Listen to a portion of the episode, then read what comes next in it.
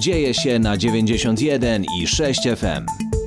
czwartkowym dzieje się rozpoczynamy nowy cykl rozmów skupiony wokół cyfryzacji odpowiedzialnej społecznie we współpracy z Wrocławskim Centrum Rozwoju Społecznego, które wychodzi do Was z różnymi propozycjami aktywizacji cyfrowej i zwiększenia świadomości w obrębie czyhających na nas zagrożeń, a jest ich dosyć sporo. I dlatego dziś w studiu gościmy rozmówczynie, które postanowiły połączyć siły w tym temacie, a mianowicie są to Martyna Wilk z Wrocławskiego Centrum Rozwoju Społecznego. Dzień dobry Ci. Dzień dobry, cześć. I Maja Zabokrzycka, prezeska Fundacji Dom Pokoju. Dobry, dzień dobry. No to tak, może zacznijmy przede wszystkim od tego, co było takim punktem wyjścia do waszej aktualnej współpracy, że razem teraz działacie. Chyba też wcześniejsza współpraca Mhm. całkiem intensywna między w ogóle Domem Pokoju a WCRS-em. Dom Pokoju jest fundacją bardzo aktywnie działającą we Wrocławiu. Taką ci zrobię laurkę, ale w ogóle nie czuję, że przesadzam. Mm, Rzeczywiście nasza współpraca już tak w tym temacie dezinformacji, czy też w ogóle cyfryzacji w ujęciu właśnie uspołeczniania, mi się bardzo mocno marzyła, jeśli chodzi o Dom Pokoju, ponieważ w moich y, oczach Dom Pokoju zawsze był taką fundacją, która potrafi rozmawiać i uczy dialogu, a tak naprawdę bez y, umiejętności rozmawiania, mówienia, ta cyfryzacja jest domeną tylko i wyłącznie, przepraszam, studentów Politechniki Wrocławskiej, informatyków, którzy nie chcą rozmawiać albo nie do końca potrafią, a naszym zadaniem jest sprawić to, żebyśmy wszyscy i osoby bardziej techniczne i też tacy klasyczni humaniści czuli się w tej przestrzeni dobrze, więc tutaj rozmowa jest bezcenna. My z kolei e, tą dezinformacją zajmujemy się relatywnie niedługo, ale to też jest właśnie powiązane z naszym szerokim działaniem w obszarze budowania dialogu, zapraszania ludzi środowisk bardzo spolaryzowanych, bardzo zantagonizowanych. W pewnym momencie taka obserwacja była, że bardzo ważną rolę w tym kontekście konfliktów społecznych, dużych napięć odgrywają dziennikarze. I to, jak budują narrację, uśmiecham się do Was, em, jak e, przedstawiają rzeczywistość, ponieważ to kształtuje to, co, co o niej myślimy. W jaki sposób e, będziemy na nią reagować. Czy to wywoła silne emocje, czy wywoła refleksję. E, no i e, u, uznaliśmy w fundacji, że należy o tym zacząć gadać i no, to, to partnerstwo było naturalne, bo z kolei Martyna w temacie siedzi od e, lat już Mm, i, i to połączenie sił wyszło tak spontanicznie w oparciu o te wcześniejsze doświadczenia. Mhm. I bazując na waszych doświadczeniach, które gromadzicie już od dłuższego czasu, to jak patrzycie na to, jak zmienia się ta świadomość w zakresie dezinformacji? Co można zaznaczyć jako taki duży plus dla ludzi, że jednak jest duży postęp, a nad czym jeszcze można popracować? Ja mam taką refleksję, z którą się mm, bardzo, ona jest bardzo smutna. W mojej pracy, która, tak jak Maja wspomniała, rzeczywiście ja w obrębie cyfryzacji poruszam się od lat kilkunastu. W mojej pracy, szczególnie jeśli chodzi o ten kontekst zwalczania dezinformacji, bardzo przykro to mówić, ale bardzo pomogła mi inwazja rosyjska na Ukrainę. Dlatego, że to był taki moment w e, historii naszej świadomości społeczeństwa polskiego, że zaczęliśmy naprawdę poważnie myśleć o tym, że dezinformacja istnieje. Myślę, że w ogóle większość osób jeszcze rok temu w styczniu tego słowa mogła nie znać, a dzisiaj dezinformacja, fake newsy to jest temat, o którym my w ogóle chcemy rozmawiać, więc ta świadomość mm, z bardzo przykrego powodu, ale moim zdaniem bardzo silnie wzrosła, przynajmniej świadomość, że rzeczywiście mamy problem. Jeśli chodzi o to, czy faktycznie radzimy sobie z fake'ami i z dezinformacją, to tutaj już chyba takiego dużego postępu nie ma. Takie Mhm. poczucie. E, Ja z kolei mam takie przemyślenia, że no strasznie trudną robotę, utrudnia robotę to, jak e, na przykład młodzi ludzie konsumują media, tak? Jak, z czego korzystają, że to są te po- po- pokrojone na małe kawałeczki informacji przedstawiane w konwencji tik- TikTokowej i innej. Mhm. Bardzo często e, zawierzają temu bardziej niż na przykład rzetelnym redakcjom, które wykonują tą solidną robotę fact-checkingową, więc to, to, to cały czas pozostaje wyzwaniem i, i z tym trzeba bardzo dużo pracować. też jest bardzo ciekawą mm, taką wariacją myślową, mam wrażenie, w naszych głowach międzypokoleniowo. Bo wspominasz, Maja, o, o młodych osobach. Ja mam z kolei takie doświadczenie z warsztatów, które prowadzę między innymi w obszarze właśnie fact-checkingu, czyli sprawdzania informacji, że młodzi ludzie często mówią coś takiego "Mm, dezinformacja, fake newsy to jest problem starych ludzi, bo oni są na Facebooku, a my na Mhm. Twitterze tego problemu nie mamy. Na TikToku Mhm. tego problemu nie mamy. Tragedia polega na tym, że chociażby na przykład Rosja wydaje naprawdę grube miliony, jeśli nie miliardy dolarów na to, jak dobrze robi propagandę na przykład na TikToku. To są wielkie, wielkie e, fundusze. Młodzi naprawdę mają tak samo pod górkę z fake newsami, są tak samo, jeśli nie bardziej na nie narażeni niż my, starzy ludzie z Facebooka. To jak spoglądacie na przyszłość? Jest szansa rozjaśnić trochę tego TikToka i pokazać rzeczywiście, jak to jest młodym ludziom i coraz młodszym, którzy na tego TikToka wchodzą przecież, bo te nastolatki czy nawet młodsze dzieci. To naprawdę są imponujące liczby i obrazki, które widzimy w sieci. Jak na to patrzycie swoim okiem?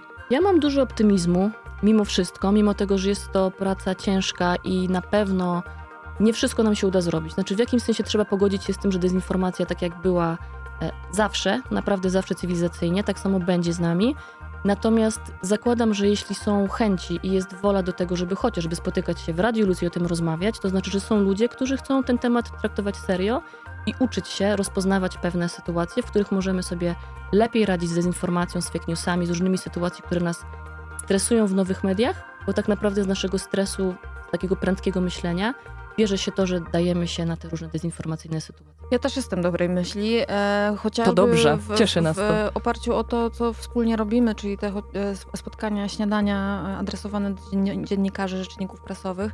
Em, Celem jest budowanie świadomości, chociaż akurat to jest grono ludzi, którzy naprawdę są w tej kwestii bardzo świadomi i mają duże poczucie odpowiedzialności i sprawczości za to, jak, jak sami e, wpływają, e, serwując informacje, ale e, czuję, że to prowadzi do tego, żeby zbudować jeszcze mocniejszą, silną koalicję wokół tego tematu, tak? Że mm, e, zaczynamy mie- mieć poczucie jakiejś e, większej wspólnej sprawy, e, jak, jakkolwiek ambitnie i nie, takiego z, z wysokiego ceby to nie brzmiało, ale naprawdę e, to, to jest, e, są jakieś kroki, które będziemy też podejmować razem. Mhm. To zanim przejdziemy jeszcze do tego, co wielkimi krokami do nas nadchodzi w zbliżającym się tygodniu, to jeszcze słówko o tym, jak WCRS działa i co cieszy Martynę, która jest już od lat związana e, z taką formą aktywności. Co jest takim plusem dla wrocławian, którzy chcą się angażować, którzy próbują i co was cieszy najbardziej jako pomysłodawców? To mnie cieszy, że jakie to jest miłe pytanie. Cieszy mnie to, że mnie pytasz, co mnie cieszy, a nie co mnie martwi. Naprawdę, to jest w ogóle fantastyczne.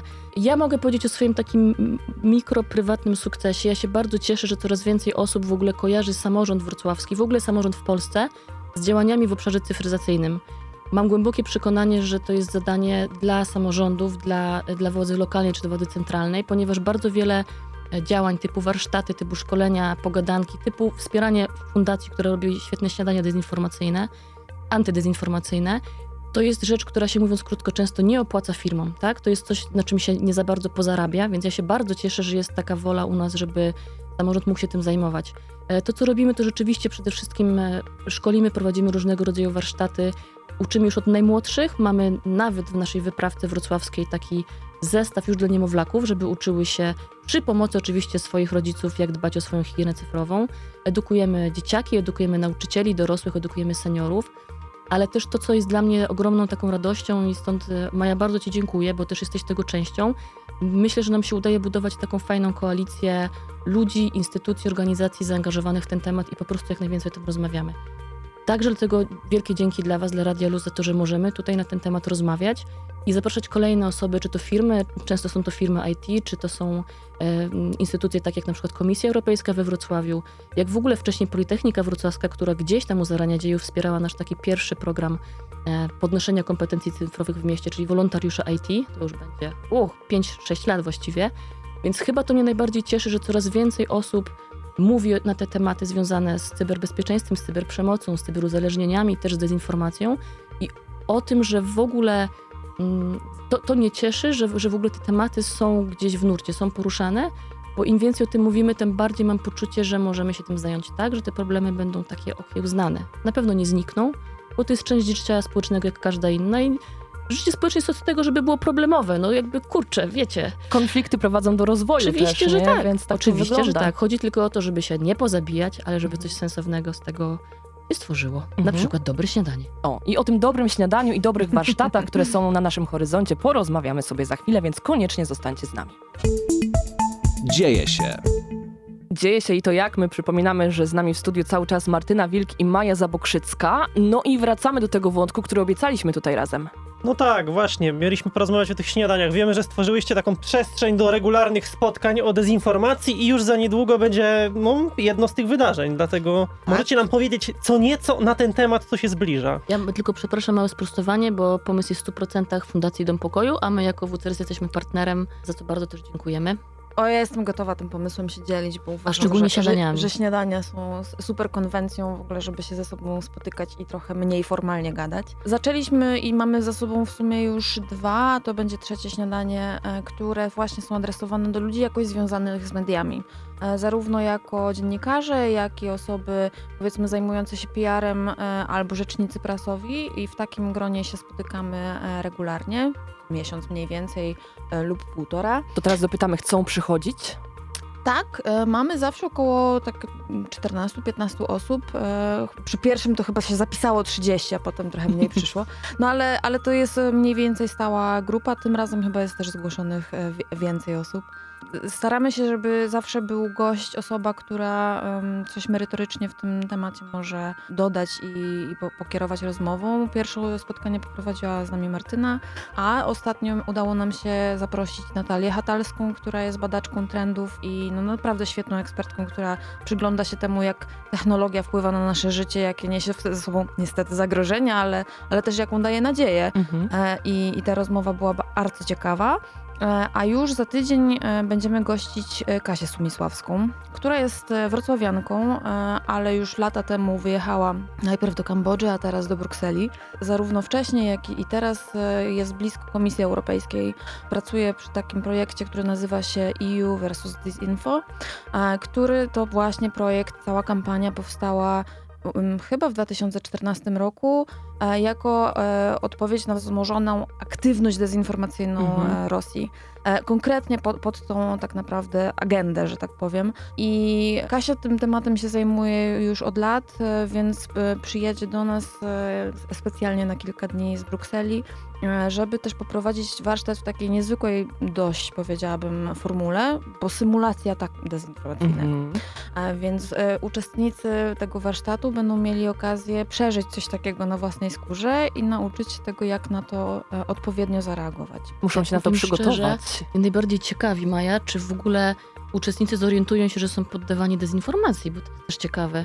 Kurczę, wiecie o co chodzi? Bo taka symulacja, można się w ogóle nie zorientować, że... Ty że jesteś się- wyczulona, wiesz, ty Tak, jesteś ja w już jestem na tym spotkaniu dawna. po prostu, tak. bo Właśnie, bardzo to- daje... To Nie może mogę być najmocniejsze, że Tak. może coś się dziać, uczestniczy nawet nie mogą, nie, ma, nie mają świadomości, kiedy to się zacznie dziać. No, i To trochę za, zależy od tego, co, Kasia nam tam naszykowała, ale mam zaufanie i znamy się też od lat, że, że to będzie naprawdę na świetnym poziomie. Rzeczywiście ja też, jeśli mogę dodać do tego tematu, bo z, z Kasią właśnie spotykamy się z Domem Pokoju w, w czwartek, w piątek jest wydarzenie, na które niestety już nie możemy zapraszać gości, bo mamy pełną listę 250 młodych osób. To będzie wydarzenie skierowane do, do młodzieży szkolnej z Wrocławia, z aglomeracji wrocławskiej, gdzie też między innymi Kasia będzie mm, opowiadała o dezinformacji w kontekście tego, jak młodzi ludzie, gdzie się z nią spotykają, jak mogą sobie z nią radzić. Ale rzeczywiście to jest też taki nasz bardzo wartościowy jako WCRS-u, ale też trochę Domu Pokoju partner, Komisja Europejska, przedstawicielstwo we Wrocławiu. Rzeczywiście od wielu miesięcy, przez jakiś czas robiliśmy to tutaj u Was w bib- w biblioteku, w Bibliotece Politechniki Wrocławskiej. Prowadzimy takie warsztaty, gdzie mm, właśnie warsztaty fact-checkingowe, gdzie za pomocą tego, co się dzieje, opowiadając o tym, co się dzieje, mm, co Rosja robi Unii Europejskiej, można powiedzieć, jakie Prosto kłamstwa mówiąc, sprzedaje, tak. tak. E, Pokazujemy narzędzia, aplikacje, za pomocą których można się bronić przed tymi różnymi fejkami. Rzeczywiście to jest bardzo wartościowa rzecz, bardzo ja też sobie osobiście cenię to, co robi Komisja Europejska, bo rzeczywiście wprost na konkretnych przykładach działań rosyjskich, one są naprawdę no, wyjątkowo rozwinięte. Rosjanie są po prostu świetni, jakkolwiek strasznie to brzmi, świetni w dezinformacji. I można się przed tym bronić, więc myślę, że to spotkanie z Kasią Sumisławską będzie bardzo, bardzo wartościowym doświadczeniem, bo nam troszkę podpowie o tym, jak możemy być odporniejsi na to.